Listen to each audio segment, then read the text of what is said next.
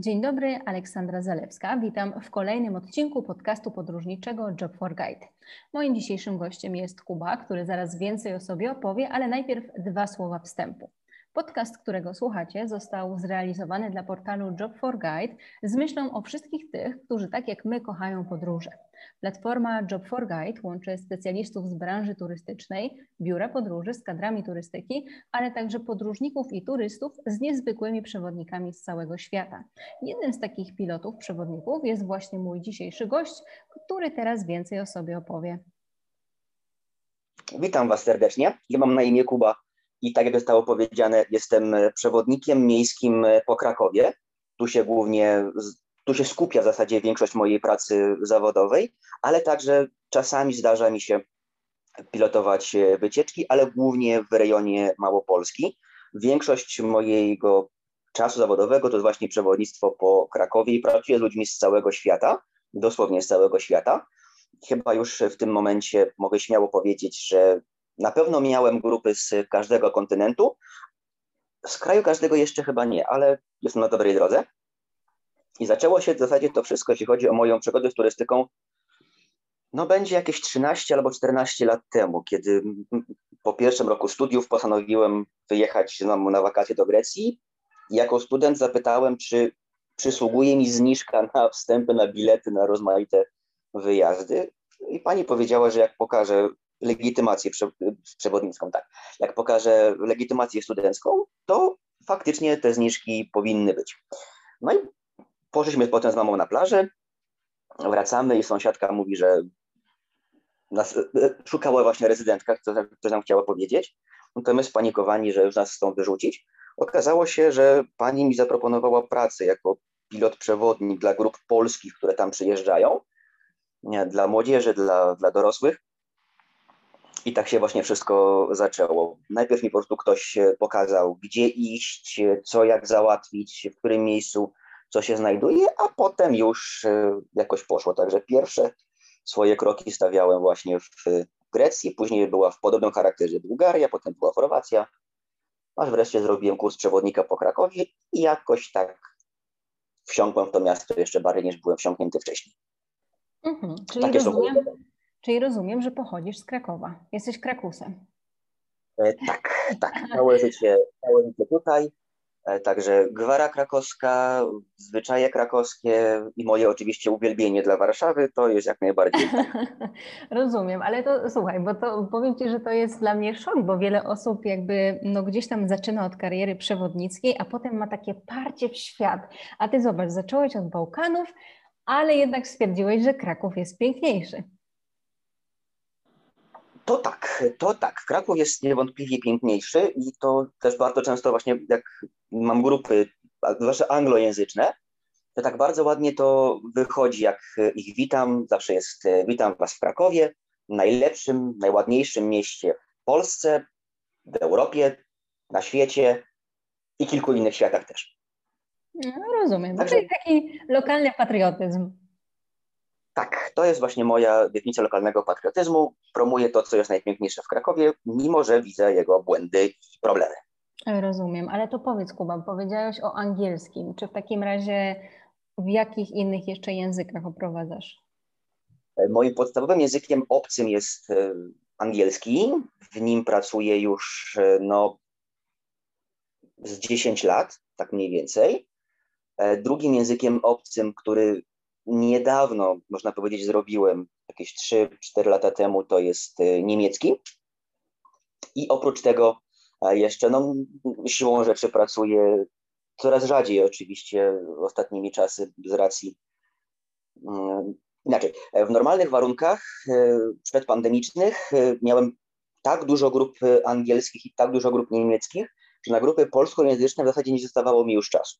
Więc Grupy polskie pojawiały się bardzo rzadko, ale w dalszym ciągu też zdarza mi się oprowadzać w języku ojczystym.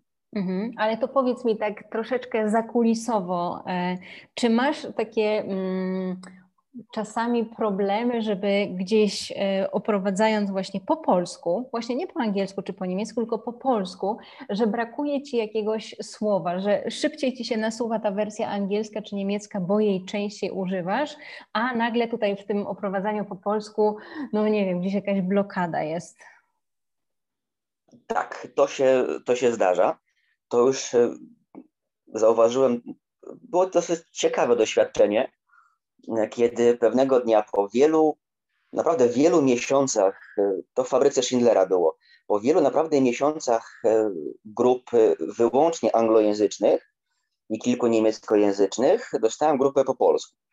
I wszedłem do pierwszej sali i zdałem sobie sprawę z tego, że to, co ja mówię do tych e, zwiedzających, e, to jest w zasadzie sam się w głowie tłumaczę z angielskiego na polski, dopiero to mówię.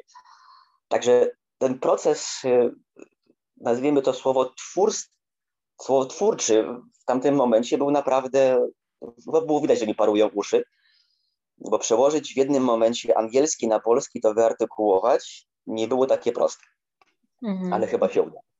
Także No tak, prawda jest taka, że rzeczywiście człowiek się przyzwyczaja do takich rzeczy, ale powiedz mi jeszcze, bo muszę Cię o to zapytać, dlatego że pytam o to wszystkich moich gości, a mianowicie, no jednak jako człowiek związany z turystyką, z branżą i na pewno kochasz podróże, czy udało Ci się policzyć, w ilu krajach Ty byłeś? Mm, myślę, że tak. Grecja, Chorwacja, Bułgaria to są te trzy, mm, gdzie faktycznie jako taką byłem. A przepraszam, jeszcze na Słowację mi się do destylarni whisky mi się udało wyjechać. Cudny był ten, trudny był ten wyjazd. Okay. Druga, i tak e, bym powiedział, tak bardziej nazwijmy to turystycznie, ale nie tylko turystycznie, bo też i po materiału do doktoratu. Byłem w Lwowie, byłem w Wiedniu, e, turystycznie byłem w Bawarii i w Pradze. Czyli generalnie pamiętam. eksplorujesz Europę. E, na razie tak. Takie sobie zresztą postawiłem jakiś czas temu, nazwijmy to cel. Najpierw chciałbym zwiedzić właśnie starą Europę, stary świat, a dopiero potem się brać za oglądanie nowego. Rozumiem. Czyli Ameryka kiedyś w perspektywie tak, Ameryka kiedyś w perspektywie jak najbardziej. I też wiem, że jeśli miałbym jechać do, do USA, to nie na kilka dni, nie na tydzień, tylko gdzieś tak miesiąc, dwa albo i dłużej. Mhm. No bo mhm. żeby zobaczyć w zasadzie kraj, który jest wielkości Europy, no to jednak trzeba trochę tak czasu temu poświęcić. Dokładnie. No dobra, Kuba, to w takim razie skupiamy się na Twojej pracy przewodnika po Krakowie, e, ale jak sam powiedziałeś, głównie pracujesz z grupami e, zagranicznymi. To e, jakie grupy, z jakich krajów głównie się decydują na przewodnika po angielsku, a jakie na tego po niemiecku? No grupy dla przewodnika anglojęzycznego, one są w zasadzie, no wiadomo, Brytyjczycy, Amerykanie, Australijczycy, ci, dla których język angielski jest językiem, nazwijmy to ojczystym, ale język angielski o tyle łatwy i dobry, że jak nie ma przewodnika w swoim języku, e, to właśnie bardzo często decyduje się na przewodnika anglojęzycznego. I tak robią chociażby bardzo często Holendrzy, e, Skandynawowie, skąd by nie byli Szwecja, Dania, Norwegia, Finlandia. Też e, po angielsku oprowadzałem gości z krajów e, bałtyckich, e, Litwinów, Łotyszy. Na pewno ci, którzy mogą wziąć przewodnika w swoim języku, na niego się najczęściej decydują. A jeśli chodzi o język niemiecki, to oczywiście Niemcy, Austriacy, nie zawsze Szwajcarzy, nie zawsze podkreślę, mm, ale zdarzało mi się oprowadzać po niemiecku Holendrów, y, starszych Holendrów. Przez starszych mam na myśli 70-80 lat. Głównie z tych rejonów y, przy granicy z Niemcami, no bo siłą rzeczy, mm, nawet jeśli sami nie mówią po niemiecku, to rozumieją ten język na tyle, że mogą się, że mogą rozumieć, rozumieć to, co do nich mówię. I zdarzyło mi się po niemiecku parę razy oprowadzać Węgrów. a Węgrzy to jest moja ulubiona chyba kategoria turysty. Nie mam pojęcia dlaczego, zawsze mam grupę węgierską, nieważne w jakim języku, mi się po prostu gęba cieszy. Tak, z automatu. Dostaję informację, e, skąd jesteście, z Węgier i już banan na twarzy, jest radocha. Nie mam, naprawdę nie mam pojęcia, z czego to wynika, co to powoduje. Nie znam słowa po węgiersku, poza hajbusz oboszlo i to jest wszystko. Okej, okay, rozumiem. No, no, dobrze, czyli może wiesz co, może to jest jakieś, e, nie wiem, w poprzednim życiu na przykład byłeś Węgrem i teraz gdzieś, wiesz, z tyłu głowy ci się otwiera ta klapka i po prostu wracają wspomnienia. Możliwe, możliwe, możliwe. Hmm. No dobra, no ale to powiedz mi jeszcze taką rzecz, bo na pewno jako osoba głównie pracująca z grupami z zagranicy, e, no to mocno Cię uderzyło po karierze e, to, co się wydarzyło, no bo wiadomo, że turystykę pandemia dotknęła, ale tych, którzy właśnie wyjeżdżają za granicę, tudzież przyjmują grupy zagraniczne, tym bardziej. Więc powiedz mi, jak e, to się odbiło na tobie? E, jak w tej chwili widzisz to z perspektywy, powiedzmy, no, wakacji, tudzież nazwijmy to zbliżających się wakacji, rozwijających się wakacji, tego okresu, kiedy no, domyślam się, że tych grup zawsze była masa?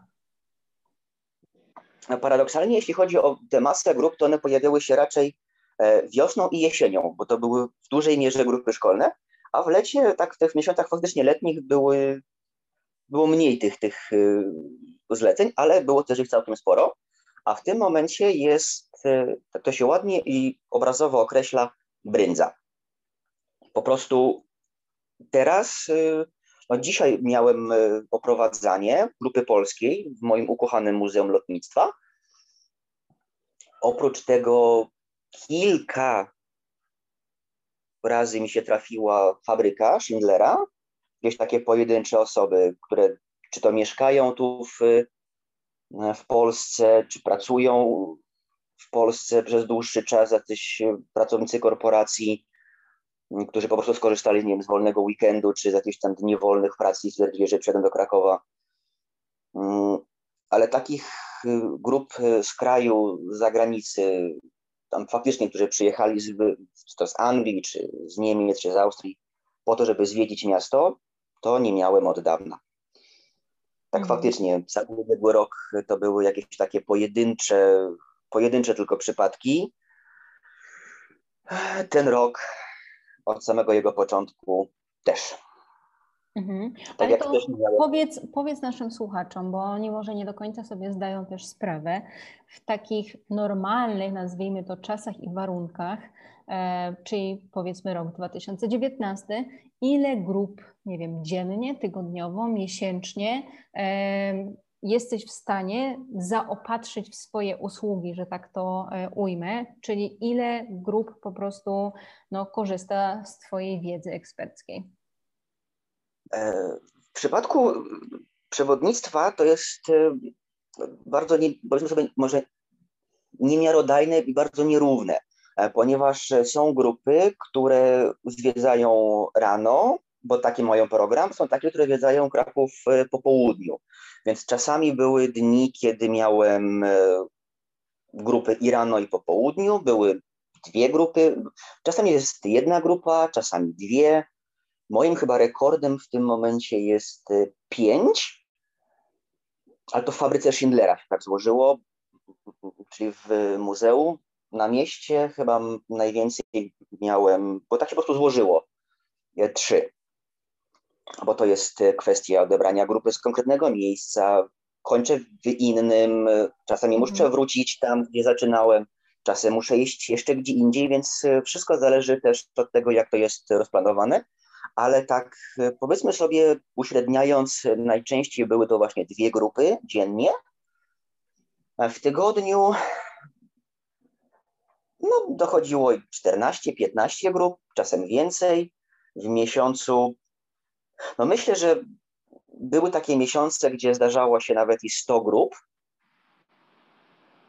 ale ile było takich miesięcy, ciężko mi powiedzieć. No generalnie na tym też polega urok e, pracy na własny rachunek.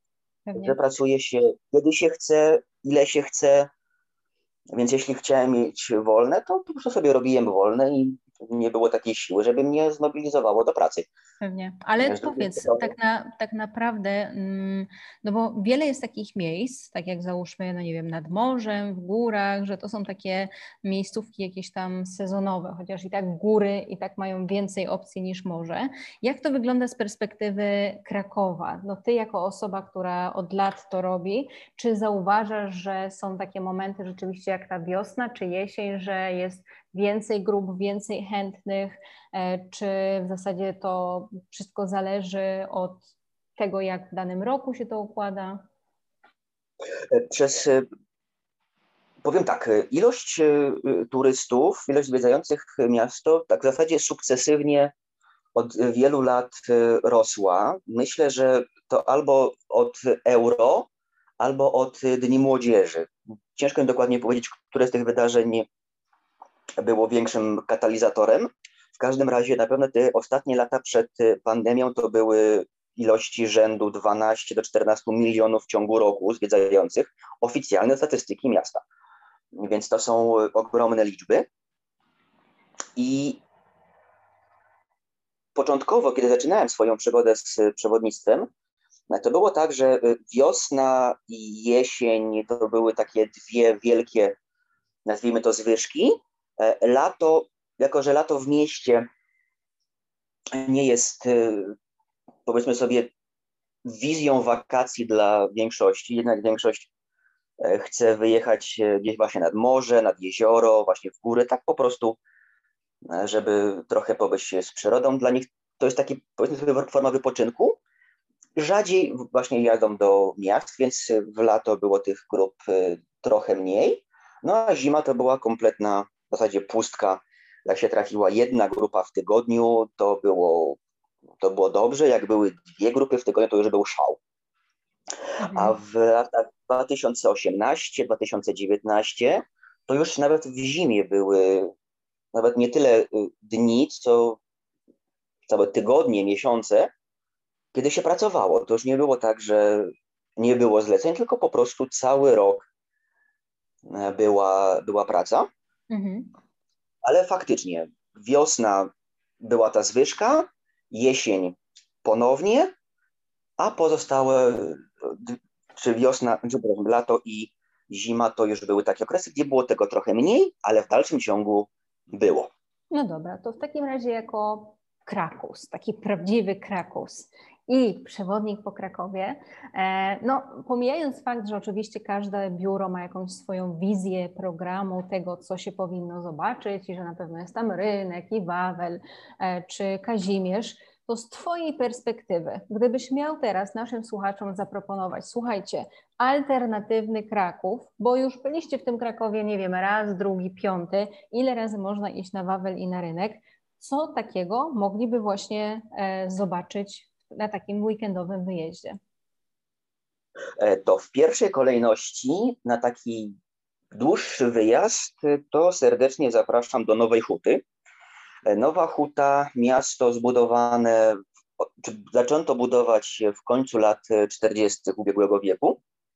Jest, e, to było miasto, ale teraz jest dzielnica Krakowa, ale jest architektonicznie, myślę również można powiedzieć w pewien sposób E, społecznie. Niektórzy twierdzą, że też mentalnie, ale to jest zupełnie inny świat. Zupełnie inny świat i widać tę ogromną różnicę między właśnie tym starym Krakowem, między Kazimierzem, a właśnie Nową Hutą. E, to widać chociażby przez ilość e, zieleni, jaka jest w Nowej Hucie. Nowa Huta kojarzy się przede wszystkim z kombinatem metalurgicznym, olbrzymim zresztą, a tu się okazuje, że tam jest naprawdę olbrzymia ilość e, zieleni. Tam jest, wielki, tam jest bardzo fajny zalew, e, są wielkie łąki, takie ogólnodostępne, gdzie wiele osób właśnie sobie siada na piknikach. Mm, są e, parki, skwery, tam jest naprawdę bardzo fajna atmosfera. No i też historia tego miejsca jest z mojej, w moim mniemaniu, nie tylko moim, bardzo interesująca, no bo mówię, miasto od początku do końca budowane przez komunistów. Z założenia miasto bez Boga, a okazuje się, że są tam e, kościoły, tam dochodziło do mm, wręcz walk ulicznych w obronie krzyża. Tam są fantastyczne, zresztą też w wielu przypadkach udostępnione do zwiedzania schrony, więc jest historia zimnej wojny do opowiedzenia. W ogóle sama idea budowy tych schronów. Świat, w ogóle świat PRL-u, który coraz bardziej zanika w naszej pamięci, tam jeszcze jest do znalezienia, więc to bym polecał na jeden dzień.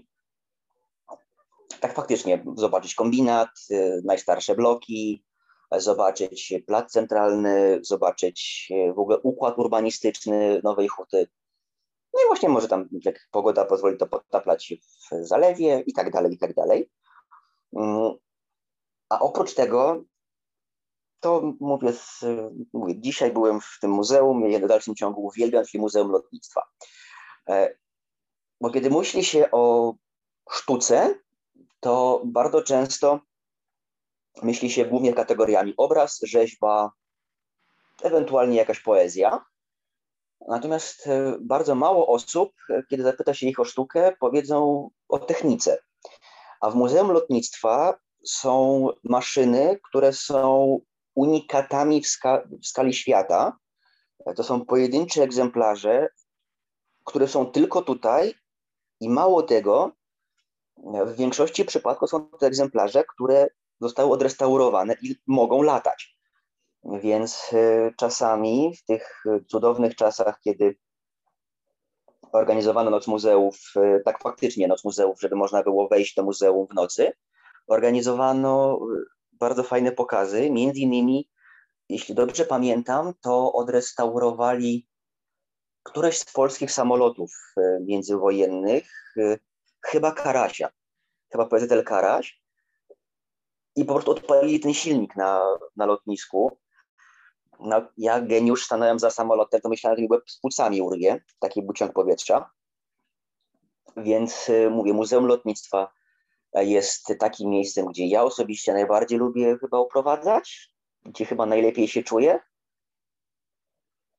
I to jest miejsce, które paradoksalnie jest bardzo mało znane wśród y, turystów. Więc jeśli mam proponować coś na mhm. alternatywne trasy, to właśnie mówię, Nowa Huta, do której coraz więcej osób zaczyna jeździć, to prawda, mhm. ale w dalszym ciągu nie jest no to... tak, bo chyba z tą Nową Hutą cały problem polega na tym, i ja to jeszcze pamiętam ze swoich czasów studenckich, co było nie tak dawno, że gdzieś tam z tyłu głowy każdy miał poczucie, że Nowa Huta nie jest do końca bezpieczna i że ona jest raczej taka zaniedbana, a ostatnimi laty to się bardzo mocno, mocno zmienia, prawda?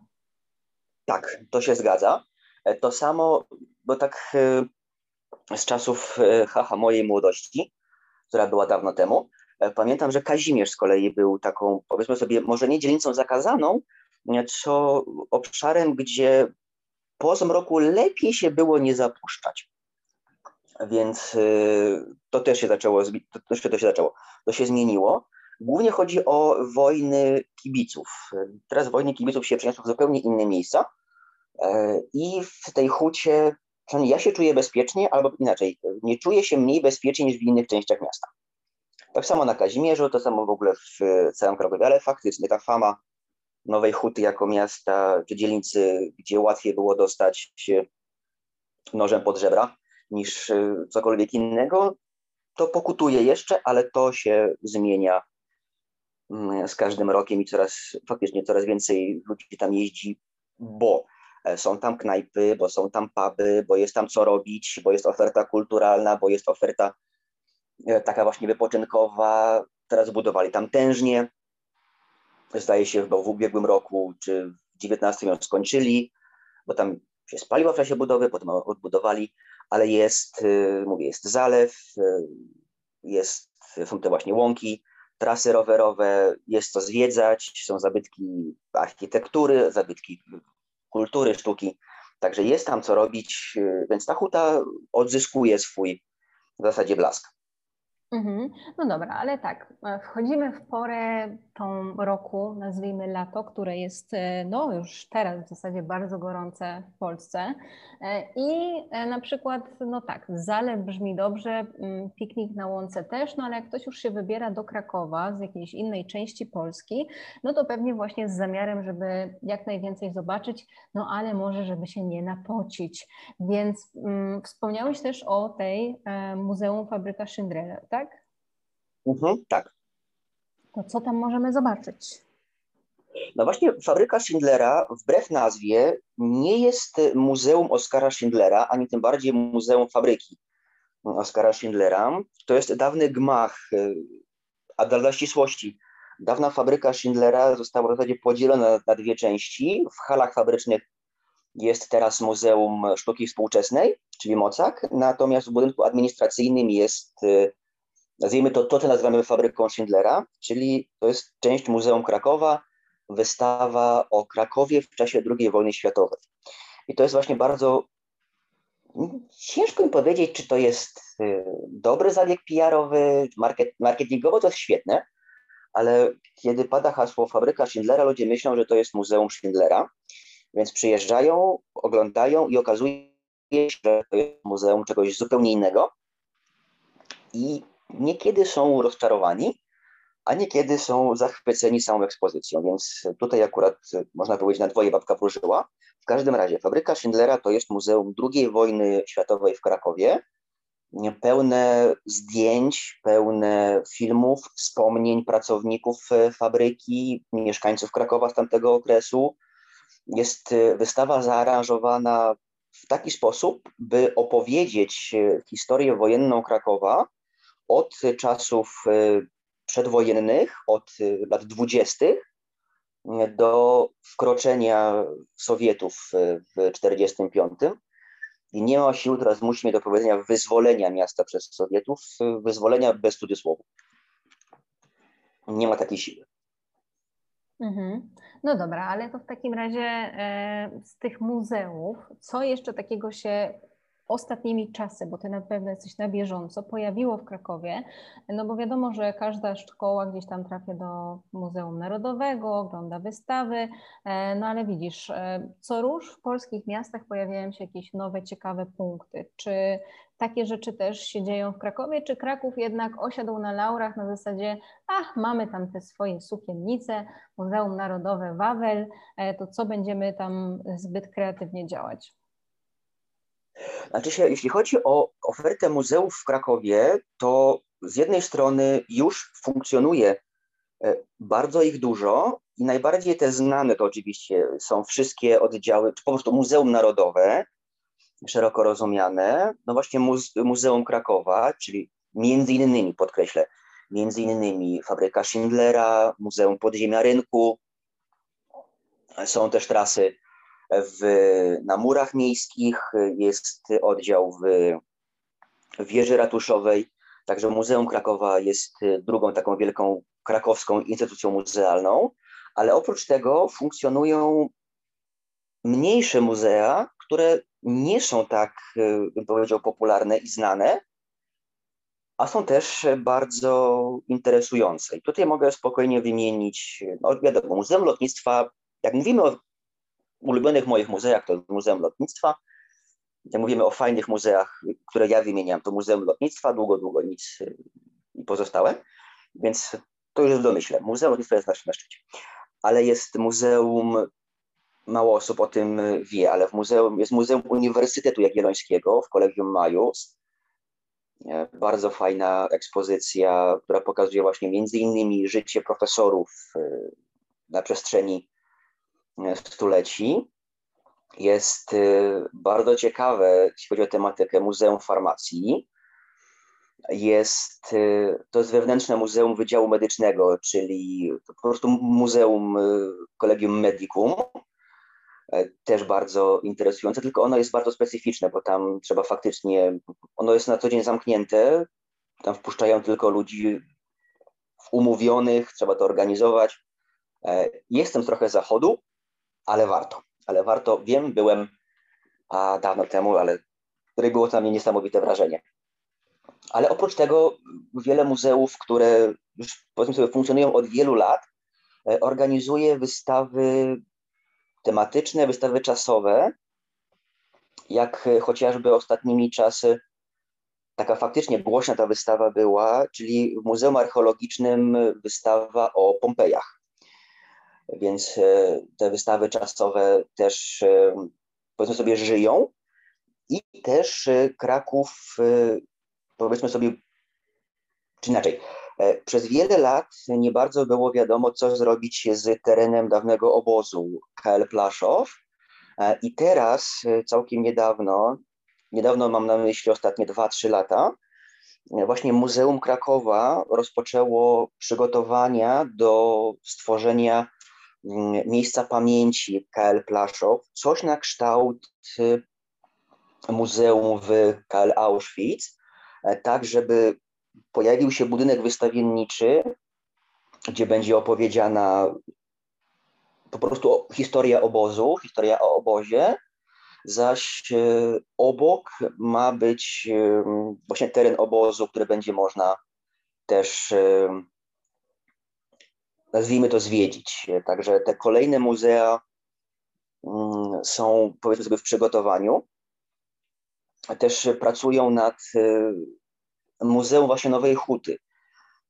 Była, był oddział Muzeum Nowej Huty jako oddział Muzeum Krakowa, Pojawiło się też Muzeum PRL-u. W pewnym momencie oba te organizmy się połączyły i teraz e, trwają prace nad e, nowym muzeum, które będzie poświęcone właśnie PRL-owi, Nowej Hucie i temu okresowi w naszej historii. Ale kiedy to będzie, na jakim etapie zaawansowania prac e, jesteśmy, ciężko mi stwierdzić.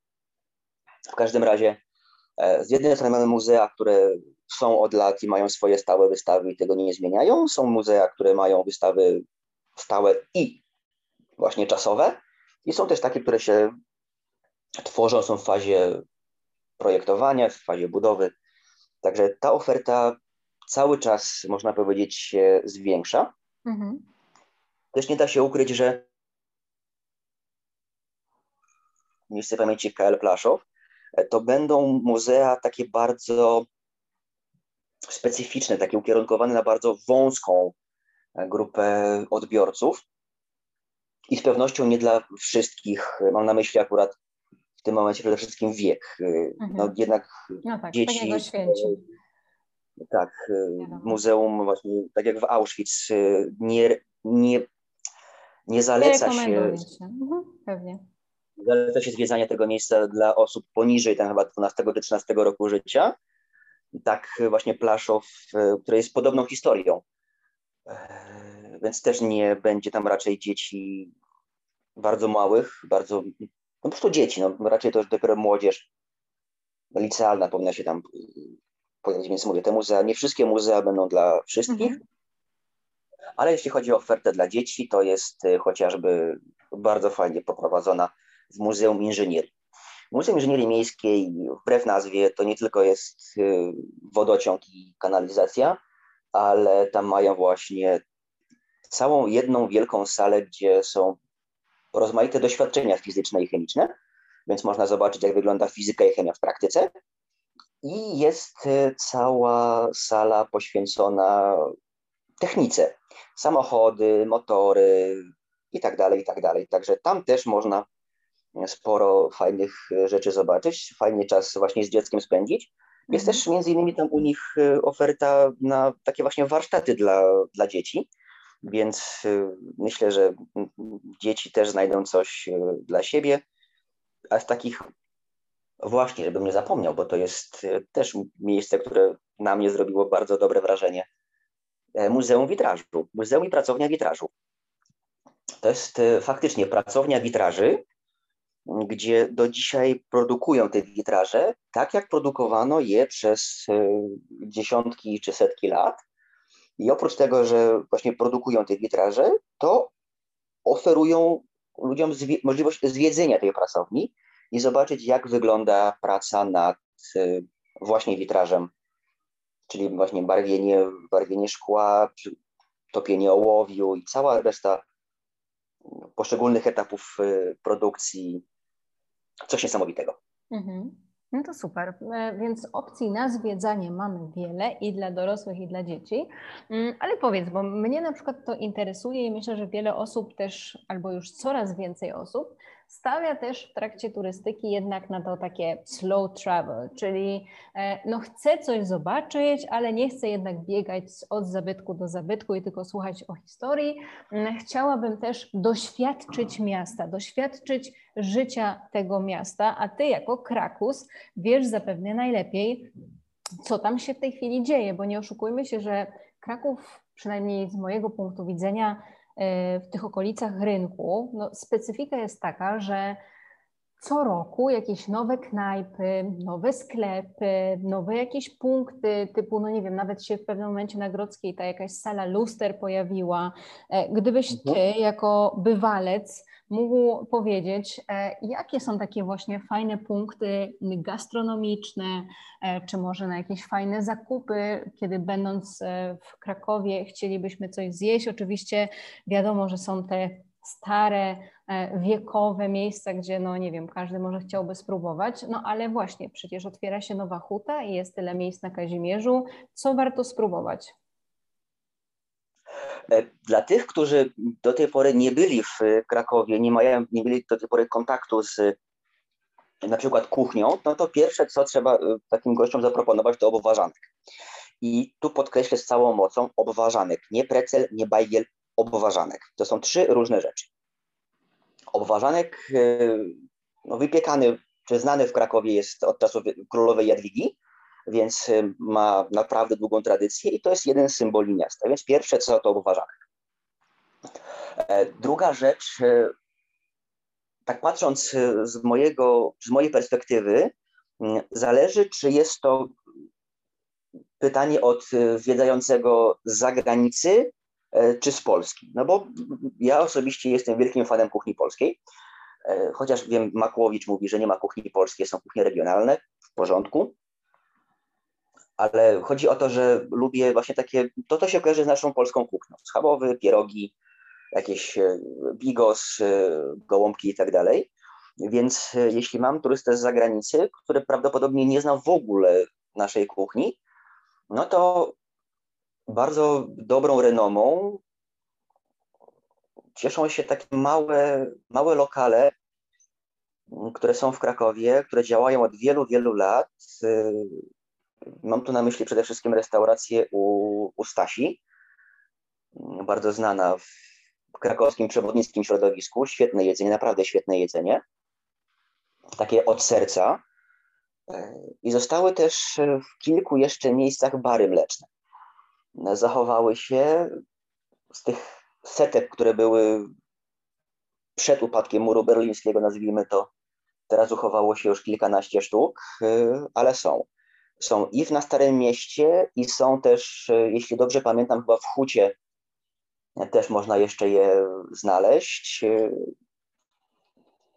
także to jest e, to. Jest to.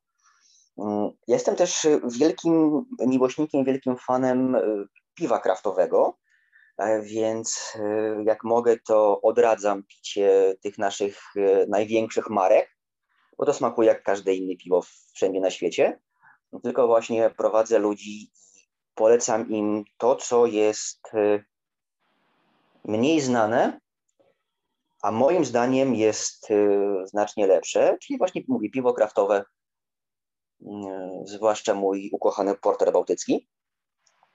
To jest bardzo specyficzne piwo, ale mówię, jak ktoś chce poznać mm, właśnie nasze specjały, to porter bałtycki jest y, świetnym wyborem. E, dalej, właśnie, jeśli chodzi jeszcze o jedzenie, to takie mało osób y, w ogóle wie, że coś takiego mamy. E, maczanka krakowska. E, sztuka mięsa, sos, bułka, warzywa, fenomenalna rzecz. Proste, a pyszne. Więc jeśli chodzi o kulinaria, nie trzeba chodzić po tych właśnie największych, czy najstarszych, najdroższych restauracjach, tylko właśnie znajdzie się trochę więcej takiego lokalnego kolorytu w mniejszych, mniejszych lokalach, które mówię, też są na Starym Mieście.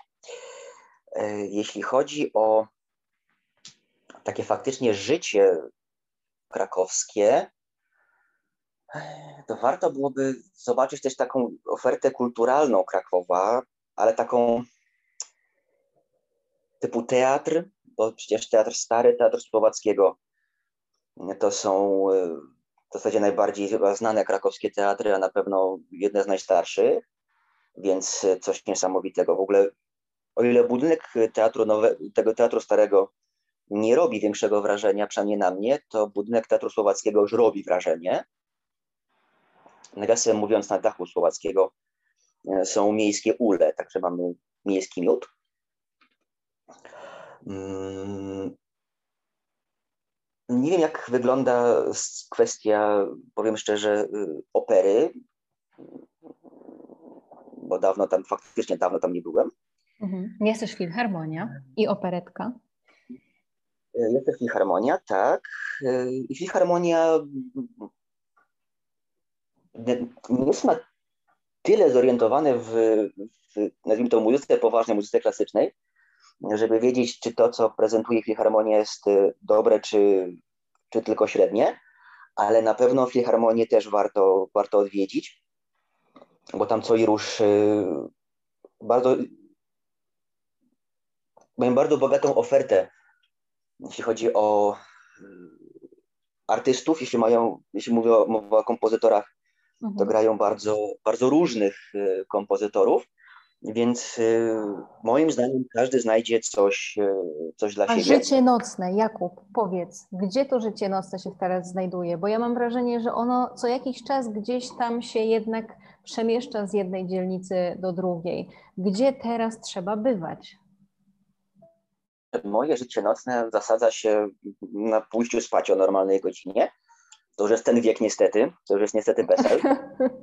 No tak, powiedział stary człowiek, okej, okay. E, ale tak, gdzie wybierają się młodzi ludzie i turyści? E, tak poważnie, e, to faktycznie przez długi czas takim centrum, centrum było, no było centrum, było Stare Miasto, ale w ostatnich kilku latach ciężar przesunął się w stronę Kazimierza tego żydowskiego. Faktycznie na żydowskim Kazimierzu e, powstały, powstało sporo knajp rozmaitych, e, mniej klimatycznych, bardziej klimatycznych, knajp do tańczenia, do posiedzenia, do, po prostu do, do picia. Oczywiście jest też legendarny okrąglak na Placu Nowym, gdzie setki tysięcy ludzi zwłaszcza po nocach, e, wcina zapiekanki, więc jest też i gastronomia od razu. E, a ostatnimi czasy od wielu ludzi, głównie moich znajomych, słyszałem, że jak mają iść do jakiejś e, knajpy, to wybierają z kolei pod górze. Więc tak mi się wydaje, że ten ciężar będzie się teraz przesuwał w stronę właśnie prawego brzegu Wisły. Ale zaczęło się od Starego Miasta. E, Kazimierz jest drugim takim wyborem, a Podgórze chyba w tym momencie jeszcze szuka swojego, e, swojego miejsca. Natomiast do Huty, Huta grupuje tych ludzi, którzy są z Huty, bo dojechać e, z, z centrum czy z drugiej strony miasta to do Huty to jest faktycznie wyprawa, więc nie każdy się na to decyduje, a będąc w Hucie to jest dużo, dużo prościej, więc... No, tak, no ale nie oszukujmy ma... się, że komunikacja miejska w Krakowie jest bardzo dobra. Nie oszukujmy się, dobrze, nie będę Ci oszukiwał w takim razie. Ja mam dość, e, bym powiedział, krytyczne zdanie, jeśli chodzi o to. Co ciekawe, kolega miał, e, sam, sam mówił, że on ma pozytywne doświadczenia z komunikacją miejską. Raz czekaliśmy na autobus, zmienił zdanie. Także nie jest tak e, różowo, ale to wynika z, czy komunikacja miejska jest oczywiście nocna też, ale komunikacja miejska ma problemów, po części wynikają z kodu urbanistycznego miasta e, i tego, że Główną arterią są oczywiście Aleje Trzech Wieszczów, które są praktycznie wiecznie zakorkowane, więc poruszanie się tamtymi rejonami jest strasznie uciążliwe. A po drugie, miasto teraz, mówię dokładnie w tym momencie, kiedy to nagrywamy, zabrało się za przebudowę głównej wylotówki na Warszawę. Będą poszerzać ją do dwóch pasów, do granicy województwa, więc y, korki tutaj będą po prostu koszmarne. Oprócz tego budują się nowe linie tramwajowe, co też wpływa na płynność ruchu, więc y, mówię, miasto ma swoje, swoje problemy i to się odbija właśnie też na e, komunikacji. Ale są autobusy, są tramwaje dzienne, nocne. Jest, jest potencjał i będzie jeszcze lepiej. Jest potencjał, tak, e, tylko tak jak to rozwiązały miasta, niektóre przynajmniej, czy to Warszawa, czy Trójmiasto, połączyły siły z koleją. I w wielu miejscach e, komunikacja miejska jest wspierana właśnie przez, e, przez kolej. W Krakowie jakoś do tej pory nie udaje się tego na szerszą skalę rozwinąć, a szkoda, bo w wielu miejscach tory prowadzą właśnie z obrzeży miasta prosto do centrum. Chwila, moment, człowiek jest na Starym Mieście, więc to by też bardzo pomogło. No zobaczymy, co przyniesie przyszłość. Jakieś plany, jakieś prace nad tym trwają, ale na razie są niezbyt zaawansowane. Tak to delikatnie określę. No dobra. Jakby chcia, chciałam Ci tutaj zadać pytanie, czy uważasz, że Kraków jest miastem, które każdy powinien odwiedzić, ale myślę, że po tym wstępie, kiedy powiedziałeś, że e, najpiękniejsze miasto w Polsce, Europie i na świecie, to chyba już nie mamy wątpliwości. No, jeśli byście mieli wątpliwości, znaczy, że źle, źle wykonuje swój zawód. No dobrze, to w takim razie przejdźmy do tego, jak wykonujesz swój zawód, a nie tylko tego właśnie, co polecasz i gdzie. E, czy mógłbyś teraz, zaglądając za e, kulisy Twojej pracy, opowiedzieć, podać jakieś przykłady takiej najśmieszniejszej, najdziwniejszej, najtrudniejszej, najstraszniejszej sytuacji, jakie Ci się w Twojej karierze przydarzyły?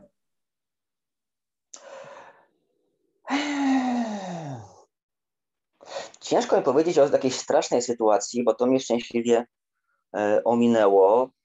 Bo coś takiego jak kontrola trzeźwości mojego kierowcy po prostu na wjeździe do Polski, jak jechaliśmy z Węgier, no to jest w zasadzie nic strasznego. No raczej. No nie no, żeśmy się po prostu pośmiali z turystami, że mm, kierowcy nas zatrzymają, to pytanie padło do turystów, kto z nie ma prawo jazdy na właśnie busa. Żaden się nie przyznał. Nie wiem czemu.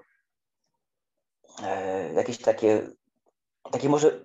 Ja, jeśli chodzi o kwestie zabawne, ja jestem człowiekiem, który ma dosyć dziwne poczucie humoru i ja bardzo lubię humor sytuacyjny, więc y, to jest moment, który, który musi po prostu wszystko zagrać, żeby było coś zabawnego, żeby było trochę śmiechu.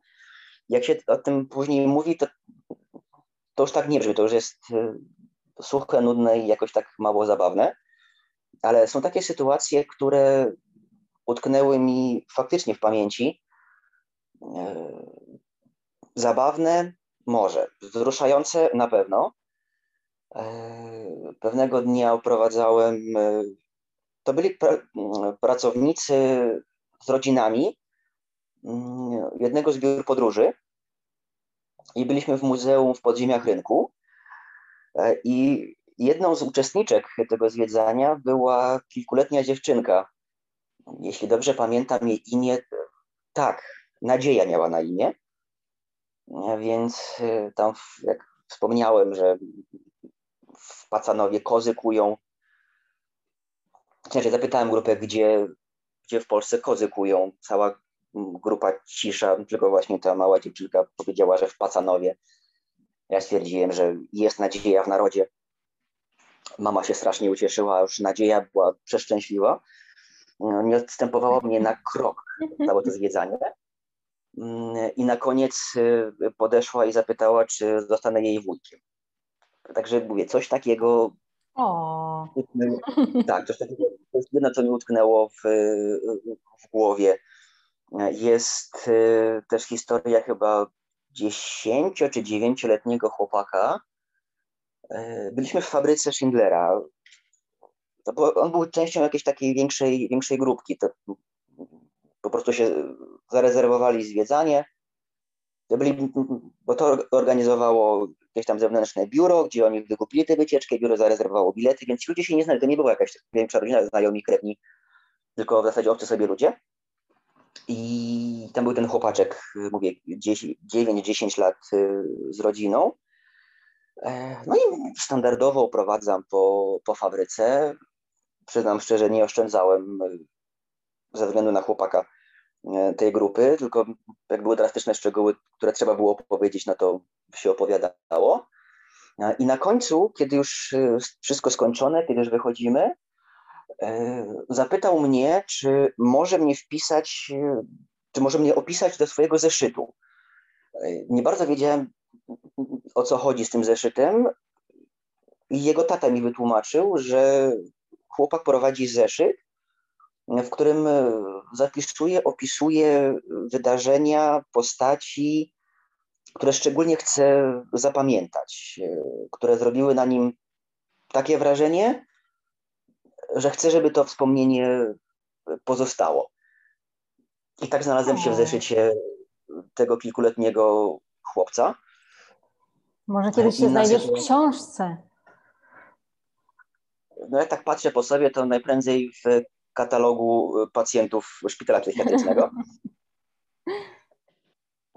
W każdym razie inna też taka E, o pieniądzach rzadko się rozmawia, ale to jest coś, co jest, e, mówię, też mi zapadło w pamięć.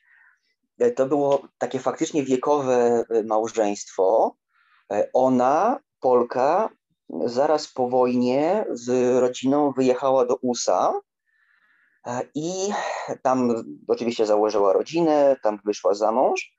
I kilka lat temu, kiedy obydwoje z mężem już byli na emeryturze, byli wiekowi, postanowiła, że zabierze swojego męża, który nigdy nie był w Polsce, właśnie do swojego kraju. Ona widziała jego kraj, to teraz chciała się zrewanżować i pokazać mu kraj, z którego ona pochodzi. I po prostu zarezerwowali zwiedzanie fabryki Schindlera i przez system trafili pod moje skrzydła, że tak to określę, po prostu trafili do mnie. No i zwiedzamy, wiedząc, że mam tylko te dwie osoby, wiedząc, że mam cały. Więc nie, nie spieszyłem się jakoś e, specjalnie. Państwo byli bardzo sympatyczni, zadawali pytania, rozmawiali. Także zeszło nam trochę dłużej niż e, regulamin nakazywał. Ale jak to dotrze do władz muzealnych, to się wybrę.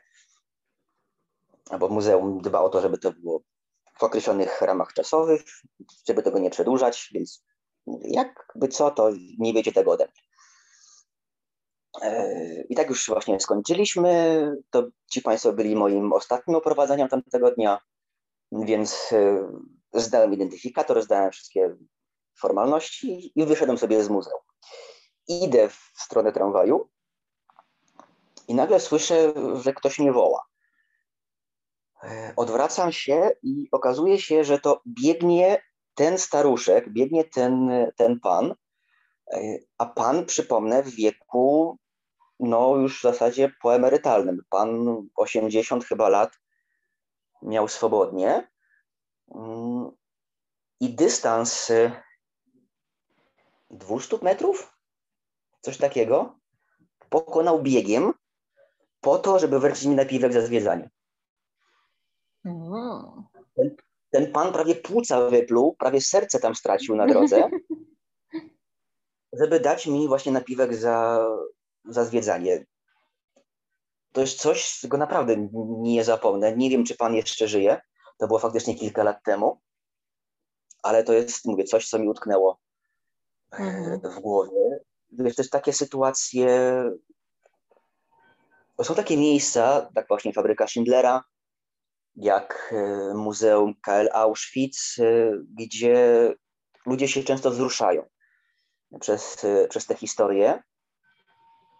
i faktycznie wiele, wiele łez widziałem, ale były też przypadki osób, które właśnie mm, po zwiedzaniu, kiedy, bo ja nie jestem przewodnikiem ani edukatorem Auschwitz, ale robię tłumaczenia, czyli przekładam po prostu na język grupy mojego lokalnego przewodnika, więc udaje mi się czasami no właśnie ludzi na tyle wzruszyć, że na koniec zwiedzania przychodzą i po prostu nawet bez słowa nie przytulają.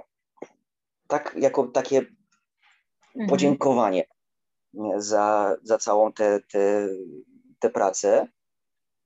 To miłe. E, e, tak, e, tak. E, także takie rzeczy się zdarzają. A jeśli chodzi o najstraszniejsze, nie wiem, czy to można powiedzieć, że straszne, na pewno niesamowicie stresujące. Mm, były wszystkie moje pierwsze grupy w języku niemieckim, czy to była grupa na mieście, czy w fabryce, czy w, w podziemiach, czy na Wawelu, czy też miałem grupę w, właśnie w Auschwitz, młodzież austriacka. Tak się akurat złożyło tamtego dnia, że większość e, przewodników, edukatorów niemieckojęzycznych e, byli na jakichś e, wykładach, na jakichś szkoleniach, w każdym razie nie było ich w muzeum, mm, więc po prostu zamówiono przewodnika polskojęzycznego i tłumaczenia na niemiecki, padło na mnie.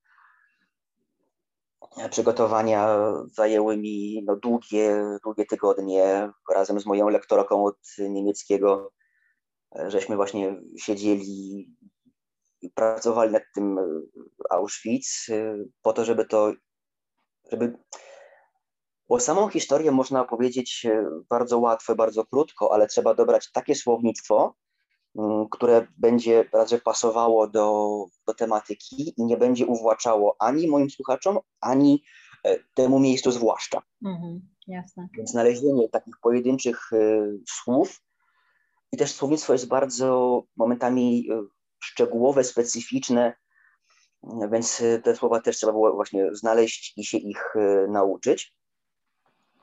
Ale właśnie kiedy stanąłem przed tą młodzieżą, ja wiem, że Auschwitz to nie jest miejsce, gdzie się żartuje, przynajmniej nie powinno się żartować, ale tak faktycznie chyba dzieciaki widziały, że jestem zestresowany e, więc myślę, że mi wybaczyły ten, ten, ten żart, jak żart, ale to, to zdanie, bo stwierdziłem, jak robię wprowadzenie, że można robić zdjęcia, ale bez y, lampy, nie dotykać eksponatów i tak dalej. Te wszystkie rzeczy robię jako wprowadzenie. E, też y, oczywiście za każdym razem przedstawiam swojego właśnie edukatora muzealnego.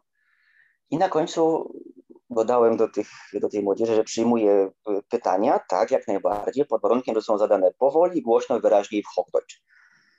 Grupa zaczęła się śmiać i już wiedziałem, że trochę przynajmniej udało mi się hmm. ich kupić. I potem faktycznie całe zwiedzanie zachowywali się naprawdę bardzo, bardzo w, w porządku, byli bardzo zorganizowani, zdyscyplinowani. Faktycznie widać było, że to zwiedzanie jest dla nich dużym przeżyciem. E, I też właśnie na końcu, jak już wyszliśmy z Birkenau, nauczycielka podeszła i też bez słowa mnie uściskała, więc e, myślę, że tak, że wybaczyli mi ten, ten niewinny żarcik na początku.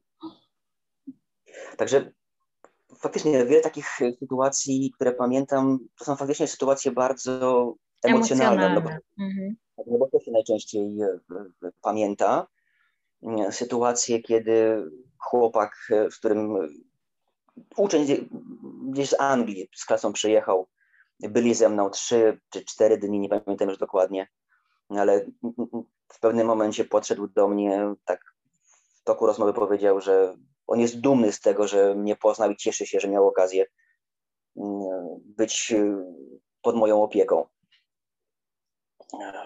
ale też dzięki tej, tej pracy poznałem no, sporo bardzo ciekawych ludzi. Mhm. Innymi dzięki temu, że jeździłem do Auschwitz, udało mi się też poznać kilkoro więźniów, tych, którzy przeżyli. To też sytuacje bardzo takie emocjonalne. Raz pamiętam, pani się nie przedstawiła, nie powiedziała jak się nazywa, ale widzi, że, że mówię do grupy w języku angielskim, stoi obok, nie przeszkadza żadną miarą, nie wtrąca się ani, ani, ani słowem. A kiedy widzi, że skończyłem, podchodzi do mnie i jestem przekonany, że rozumiała to, co, to, co powiedziałem, bo mi podziękowała za te wszystkie słowa. I mimo tego, że później poprosiła, żebym przetłumaczył jej słowa do, do grupy, ja jestem przekonany, że pani doskonale znała język angielski, tylko zrobiła to. Zresztą nie mam, nie mam pojęcia z jakich powodów, ale po prostu poprosiła, czy mógłbym przetłumaczyć e, kilka jej zdań do, do grupy. I to stanąłem w zasadzie, no może nie na baczność, ale odwróciłem się do grupy i bez y, słowa sprzeciwu przełożyłem to, co pani miała im do powiedzenia. Kiedy skończyłem, pani serdecznie podziękowała, udała się w, w swoją stronę. Natomiast ja powiedziałem Państwu, czy mojej grupie, kto właśnie do nich moimi ustami przemówił. Jak się dowiedzieli, że to właśnie była pani, która była więźniarką obozu, więc takie sytuacje też, też mi się zdarzyły, takie to mhm. bardzo wiele osób, takich naprawdę, których nie spotkałbym pracując gdziekolwiek indziej. Z pewnością nie spotkał. To jest na pewno. Dobra, Kuba, to w takim razie na koniec proszę e, podpowiedz naszym słuchaczom jakieś pozycje książkowe, filmowe, e, może e, tudzież artykuły albo jakieś blogi, które mogłyby im przybliżyć taki Kraków, inny Kraków, taki fajny Kraków, świeży Kraków, nowy Kraków, coś, co dla kogoś, kto już to miasto zna, będzie no, takim powiewem świeżości.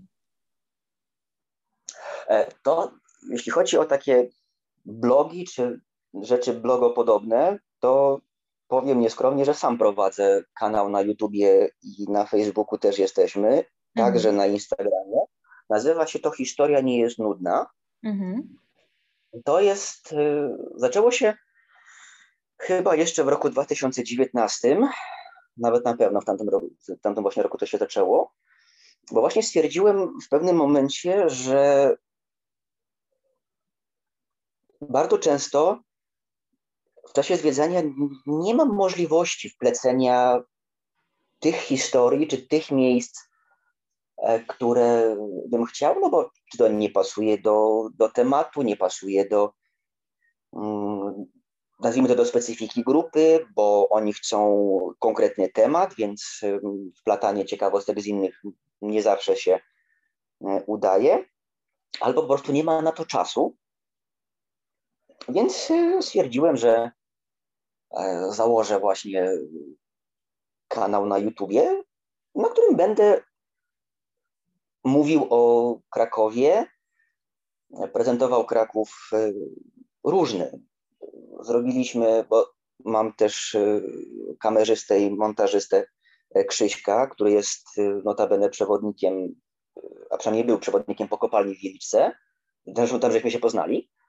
E, I właśnie pokazuje miasto na tych szlakach, które i te tematy, które są tam, które są, powiedzmy sobie, gdzieś tam w kolejności, jak ktoś myśli o zwiedzaniu miasta, e, czyli jak mówimy o Starym Mieście, to myślimy o Floriańskiej i Ogrodzkiej głównie, natomiast ja zrobiłem do tej pory e, wszystkie inne ulice poza czy na północ idące poza właśnie Floriańską.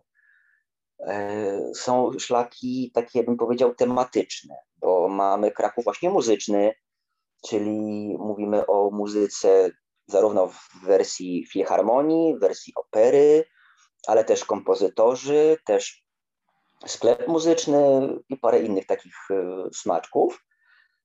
Jest. O właśnie, są też dwa filmy z takimi historyjkami o Krakowie, o których no my przewodnicy w większości wiemy, no my znamy te historie, ale dla przeciętnego zwiedzającego czy przeciętnego zjadacza chleba, nazwijmy to, są to historie nieznane i mam nadzieję ciekawe. Więc y, szczerze polecam właśnie swój, swój kanał, swój blog. Powtarzam, historia nie jest nudna. Mhm. I oprócz tego są tam też materiały takie czysto, czysto historyczne. Z racji wykształcenia, tak, jestem historykiem. Mało tego, jestem historykiem, nauczycielem historii. E, Kuba, strach się Także... ciebie bać. To po prostu chodzący koszmar. To prawda, to prawda, to prawda. E, to też e, właśnie bardzo często mówię ludziom, że jak kupują pamiątki z Krakowa, to płacą za właśnie te historie, za te wszystkie emocje, które ten przedmiot potem do nich przyprowadzi, przy, przywiedzie im z powrotem. Albo jak patrzycie na mnie, to wszystkie koszmary tego zwiedzania. Więc y, ja mam tego pełną świadomość, że można się mnie bać. Jestem straszny, zresztą tak wyglądam. E, no także tam jest, mówię, historia, ale też y, w takim wydaniu, żeby to było strawne. E, to nie jest tak, że robię nudny, durny wykład y, pełen dat, postaci, wydarzeń, bo wiem, że tego się nie da strawić, sam tego nie trawię tylko staram się to w jakiejś takiej lżejszej formie zaprezentować y, i tam, tam są materiały o historii zarówno Polski, jak i świata. Więc myślę, że to jest tam, to się cały czas rozwija, także myślę, że tam też ktoś znajdzie coś, e, coś dla siebie. Jeśli chodzi o książki, e, to ja jestem pod e, wielkim wrażeniem, bardzo mi się ta książka podoba, E, głównie przez e, sposób, e, w jaki została napisana. To jest książka o bardzo prostym i wpadającym w ucho tytule. Historia Krakowa dla każdego. Autorem jest bardzo znany w środowisku naukowym profesor, zdaje się, tak, Uniwersytetu Ekonomicznego, czyli profesor już nieżyjący niestety Jan Małecki. To jest właśnie historia Krakowa od czasów najdawniejszych do współczesności, ale napisana w taki sposób, że człowiek nawet nie czuje, kiedy przewraca kolejne strony. To po prostu jest, to się po prostu samo czyta. Także jest y, to naprawdę znakomita rzecz. Mm. Czy coś takiego. Chodzi o takie rzeczy pod, Myślę, że wiesz, jak Ci się coś przypomni jeszcze, to możemy to zawsze dopisać w opisie e, podcastu. E, a na chwilę obecną to myślę, że najwięcej ciekawych informacji e, nasi słuchacze znajdą u Ciebie na blogu, na vlogu.